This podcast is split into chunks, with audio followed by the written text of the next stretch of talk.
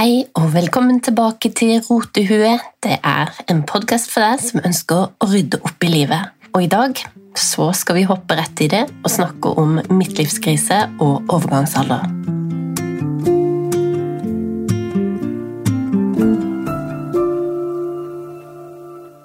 I dag når jeg våkna, så var jeg usikker på om jeg var 45 eller 46 år. Jeg er fortsatt litt usikker. Da må jeg jo egentlig regne litt på det, men det er jo helt krise da, hvis det er 47 jeg blir i november, og ikke 46. Ja, som du skjønner, midtlivskrisa den oppstår når du innser at tida bare har flydd ifra deg.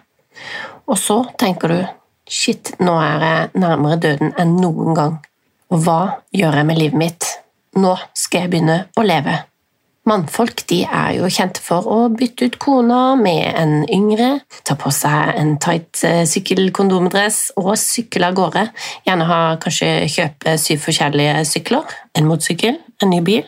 Og skinnjakka som man assosierte med midtlivskrise før, den tror jeg bytta ut med en sånn sykkelkondomdress. Men hva gjør vi kvinner, da? Vi får jo overgangsalder i tillegg til midtlivskrise. Og det er ganske heftig. Det koker. Det koker innvendig. Og jeg mista mensen, men altså, det syns jeg ikke er noe tap i seg selv, men man blir jo litt sånn rar i kroppen, da. Men jeg syns at midtlivskrise det er rett og slett en bra ting. Det er ikke dumt å begynne å reflektere litt over hva man driver på med. Ta en liten pause, og så ta en indre sjekk. Har jeg nok ladestasjoner? Får jeg nok energi? Eller bruker jeg meg sjøl opp? Og da kan det jo lett føre til en sykemelding eller at man blir deprimert, rett og slett. Så midtlivskrise er absolutt ingen dårlig ting. Det er ofte da man begynner å se tilbake på livet. Har jeg levd sånn som jeg ønsker? For min egen del så vil jeg si ja. Jeg har gjort så utrolig mye forskjellig. Jeg har tatt meg tre forskjellige utdannelser. Bachelor i filosofi, jeg har lærerutdanning, jeg har klesdesignerutdanning, og jeg har fortsatt å lære meg ting. I min ungdom eller unge voksne-periode så dro jeg med en gitar på ryggen og en CD i handa til New York uten å kjenne noen, for å prøve lykken som musiker der. Og det er ting som jeg ikke angrer på. Det var jo mye som skjedde, og det var ganske heftig, men fy søren og gøy. Du kjenner virkelig at du lever, og jeg er veldig takknemlig for at jeg har opplevd alle disse tingene. Men man skal ikke stoppe å leve når man er 40, eller 46 eller 47, eller hva det blir. Man må bare ta en sjekk om man har gått litt inn i det her hamsterhjulet, da. Så har vi eh, kjørt oss litt fast, går ting på autopilot, og er de vanene vi har etablert, gode eller dårlige vaner? Så i dag så tenkte jeg rett og slett vi skulle se på noen punkter der det kan være lurt å ta en runde med seg sjøl. Det er jo akkurat dette rotehuet handler om. Å rydde opp i hele livet. I toppen og kroppen, og alt henger jo sammen. Punkt nummer én jeg har satt opp, er relasjoner. Dårlige relasjoner kan rett og slett suge ut all kraften din. Og tankeaktivitet, altså. Det, det kan ta så mye plass i hodet, og det kan gjøre deg helt utslitt i kroppen. Så det er veldig viktig at de du slipper tettest innpå, de skal være gode.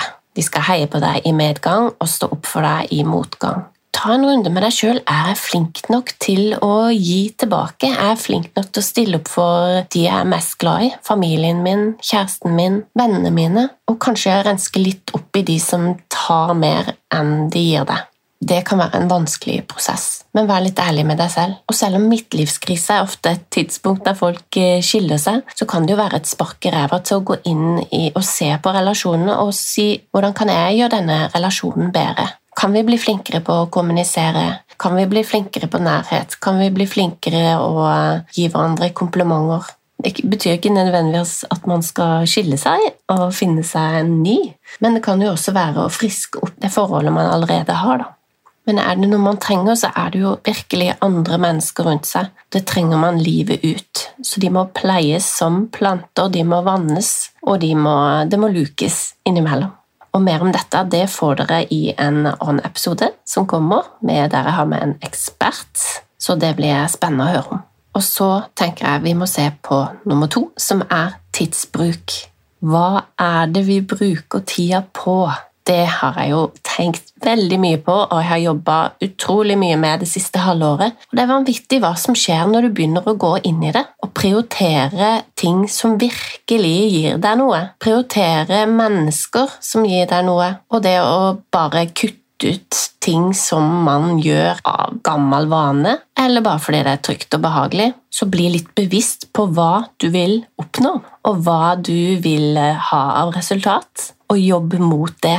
Hvis du vil skrive en bok, skriv et kapittel. Har du lyst til å ta bilder, så ta med kameraet ut. Har du lyst til å campe mer, så gjør du jo det. Da tar du med deg hengekøya, så går du ut i skauen. Og hvis du har store, langsiktige mål, begynn å jobbe små steg mot dem. Det er ikke sånn at du blir god på det, og så er du god. Du må jobbe mot det hele tida. Det er veldig lett å bare la være og gjøre det behagelig. Sette på Netflix, posechips i fanget, og så sitter vi der. Timene går. Timene flyr, faktisk. Plutselig er du 50. Punkt nummer tre er økonomi. Jeg har jo hatt en aha-opplevelse når det gjelder penger. Det er jo vanvittige mengder å spare med å bare kutte ut all den dritten som er unødvendig shopping og for min del lysestaker og det ene og det andre, som jeg har brukt utrolig mye penger på, og så spare mot store mål som virkelig gir meg glede. Og nå er det tøffe tider. Nå går prisene og rentene og alt opp, men det at renta går opp, er ikke egentlig krise. 3 eh, er ikke så høyt. 4% er ikke så høyt. 5% er ikke så høyt. Mine foreldre hadde 17 husker jeg, når de kjøpte hus. Vi må bare bli litt flinkere til å bruke mindre penger på unødvendige ting, så skal det gå helt fint med renteøkning. Så er det utrolig hvor mye glede det å spare penger eh, hver uke. Jeg har jo brukt en app. Spare mot eh, store mål det gir meg en utrolig god trygghet. Nå vokser bufferen for hver eneste uke. Og så kan du spare til de gøye tingene, f.eks. Eh, en ferie. Jeg sparer med en venninne til en ferie, jeg sparer med kjæresten til en ferie. Så når du først har spart opp de pengene, så har du jo råd til det. Det er digg. Punkt fire jobb. Som dere vet, så har jo jeg sagt opp lærerjobben min. Jeg har fått meg en jobb i TV 2 skole. Jeg har starta fotostudio igjen. Og jeg har denne podkasten og Krimprat med Lise og Fiona. Som jeg har fortalt tidligere, så var det et utrolig vanskelig valg å si opp en fast jobb i kommunen. Men det føltes veldig godt etter jeg hadde gjort det. Og Det er veldig viktig også å ta en runde med seg sjøl. Altså, du er 40 og noe år, ja, men du skal jobbe i ganske mange år til. Har jeg lyst til å prøve noe annet? Har jeg lyst til å lære noe nytt? Altså det å våge å ta litt sats og gå ut av noe som eh, kjennes behagelig, men kanskje litt slitsomt. Man må jo lukke noen dører for at noen nye skal åpne seg, og det gjør de jo alltid. Punkt nummer fem gi mer faen. Jeg bruker altfor mye krefter og tid på å tenke. Og tenke og tenke og tenke. Jeg overtenker alt og skammer meg. Og tenker hva folk syns om meg. Og snapper på vibber i høyre og venstre og tenker oi, oi, oi, det var en dårlig vibb, kanskje ikke de liker meg, det noe jeg sa? Å nei, skal jeg skamme meg litt, for nå har jeg spist chips igjen, og Åh, Kanskje jeg kunne si sånn You do you, I do me. Altså, har du et problem med det, så er det ditt problem. Sånn har jeg lyst til å bli. Punkt nummer seks uvaner. Vaner. Det er utrolig mange uvaner man legger til seg, og hvis man klarer å bytte ut noen av uvanene med noen gode, nye vaner, så er man god. Og det er bare å repetere, repetere og repetere, så blir det, så blir det nye, gode rutiner ut av det. Man må faktisk stå litt i ubehaget en god stund til den nye vanen har satt seg, men så kan den etableres. Og dette er noe man må jobbe med hele tida. Og det siste halvåret er det jo akkurat det jeg har gjort. Prøve å erstatte de her dårlige vanene med bedre nye vaner. Nå har det vært sommer, og det er lov å skeie ut. Det er ikke bra å være for flink pike heller. Men jeg beundrer virkelig de som er litt sånn eh, Ja, nå tar jeg bare halve posen med chips, og så skal jeg drikke eh, to glass av denne vinen. Resten setter jeg tilbake inn i kjøleskapet. Sånn er ikke jeg. Jeg må ha hele flaska og eh, hele posen. Eller så må jeg si sånn Nei, nå skal vi ikke drikke vin denne måneden, eller nå skal vi ikke spise chips. Det går også, men det er av og på. Sort-hvitt. Så jeg beundrer dere som virkelig klarer det, altså. Jeg tror det har noe med personlighetstypen å gjøre. Punkt nummer syv, veldig kort, skam. Rett etter det med den kipsen så kommer skammen, ikke sant? Ah, må slutte å skamme oss. Altså, hva kommer godt ut av skam? det er jo, Skam er jo egentlig det å være veldig slem med seg selv. Og vi skal skamme oss, og vi legger skam på andre. Og det syns jeg var mye av i koronatida. Det var veldig mye skam på andre.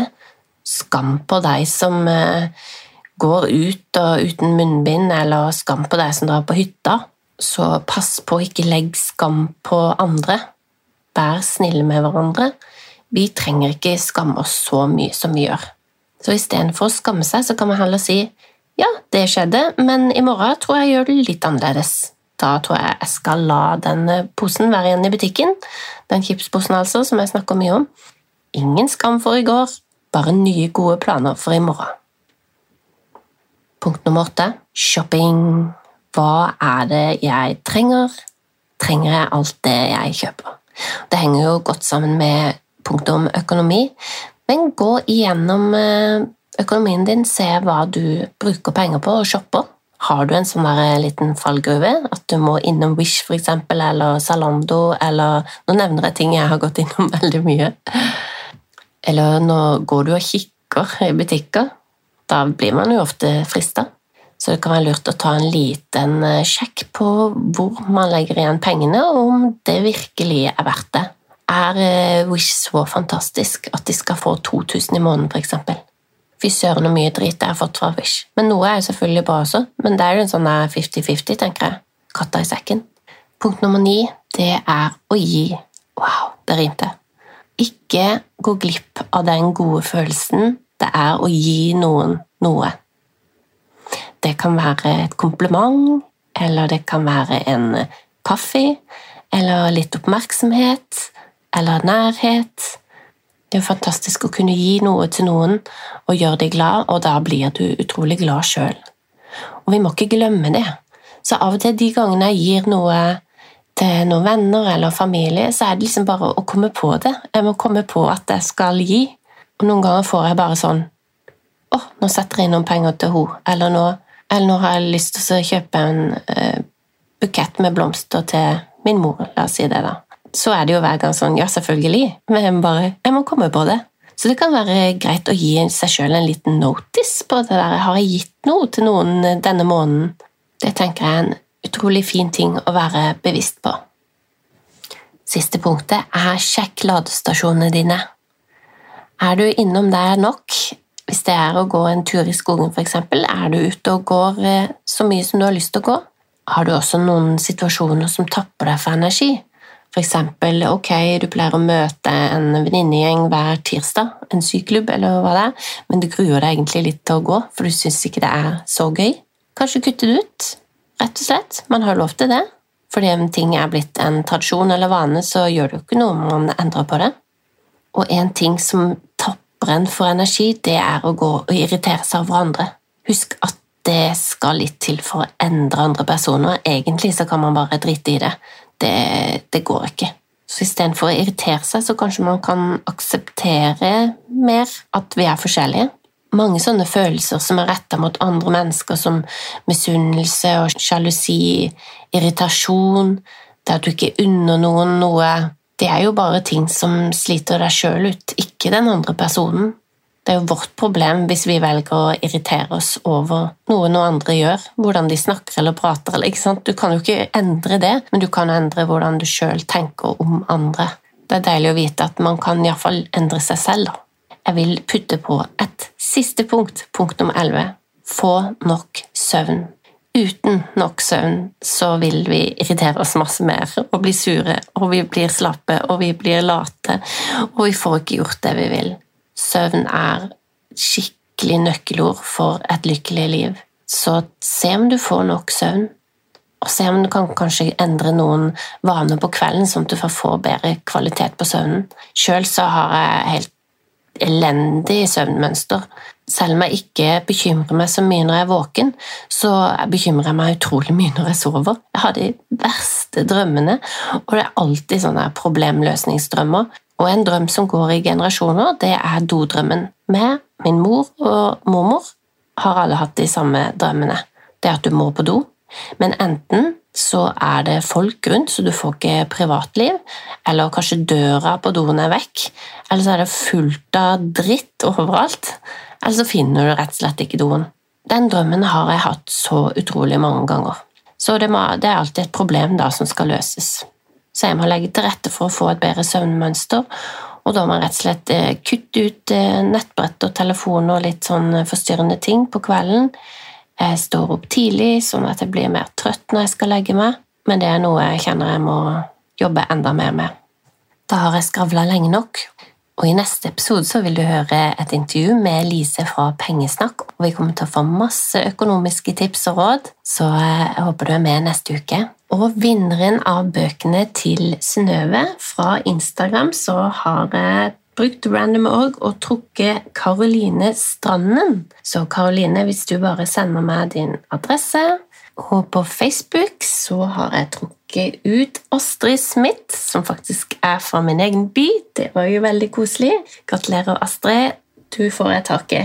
Veldig koselig med hjerter, og dere kan bare glede dere til bøkene til Synnøve. De er godt skrevet, og det er fullt av tips. Og Synnøve er en fantastisk eh, dame. Utrolig tøff og veldig vittig. Så hvis ikke du hørte på forrige episode, så anbefaler jeg deg å gjøre det. Da høres vi neste onsdag.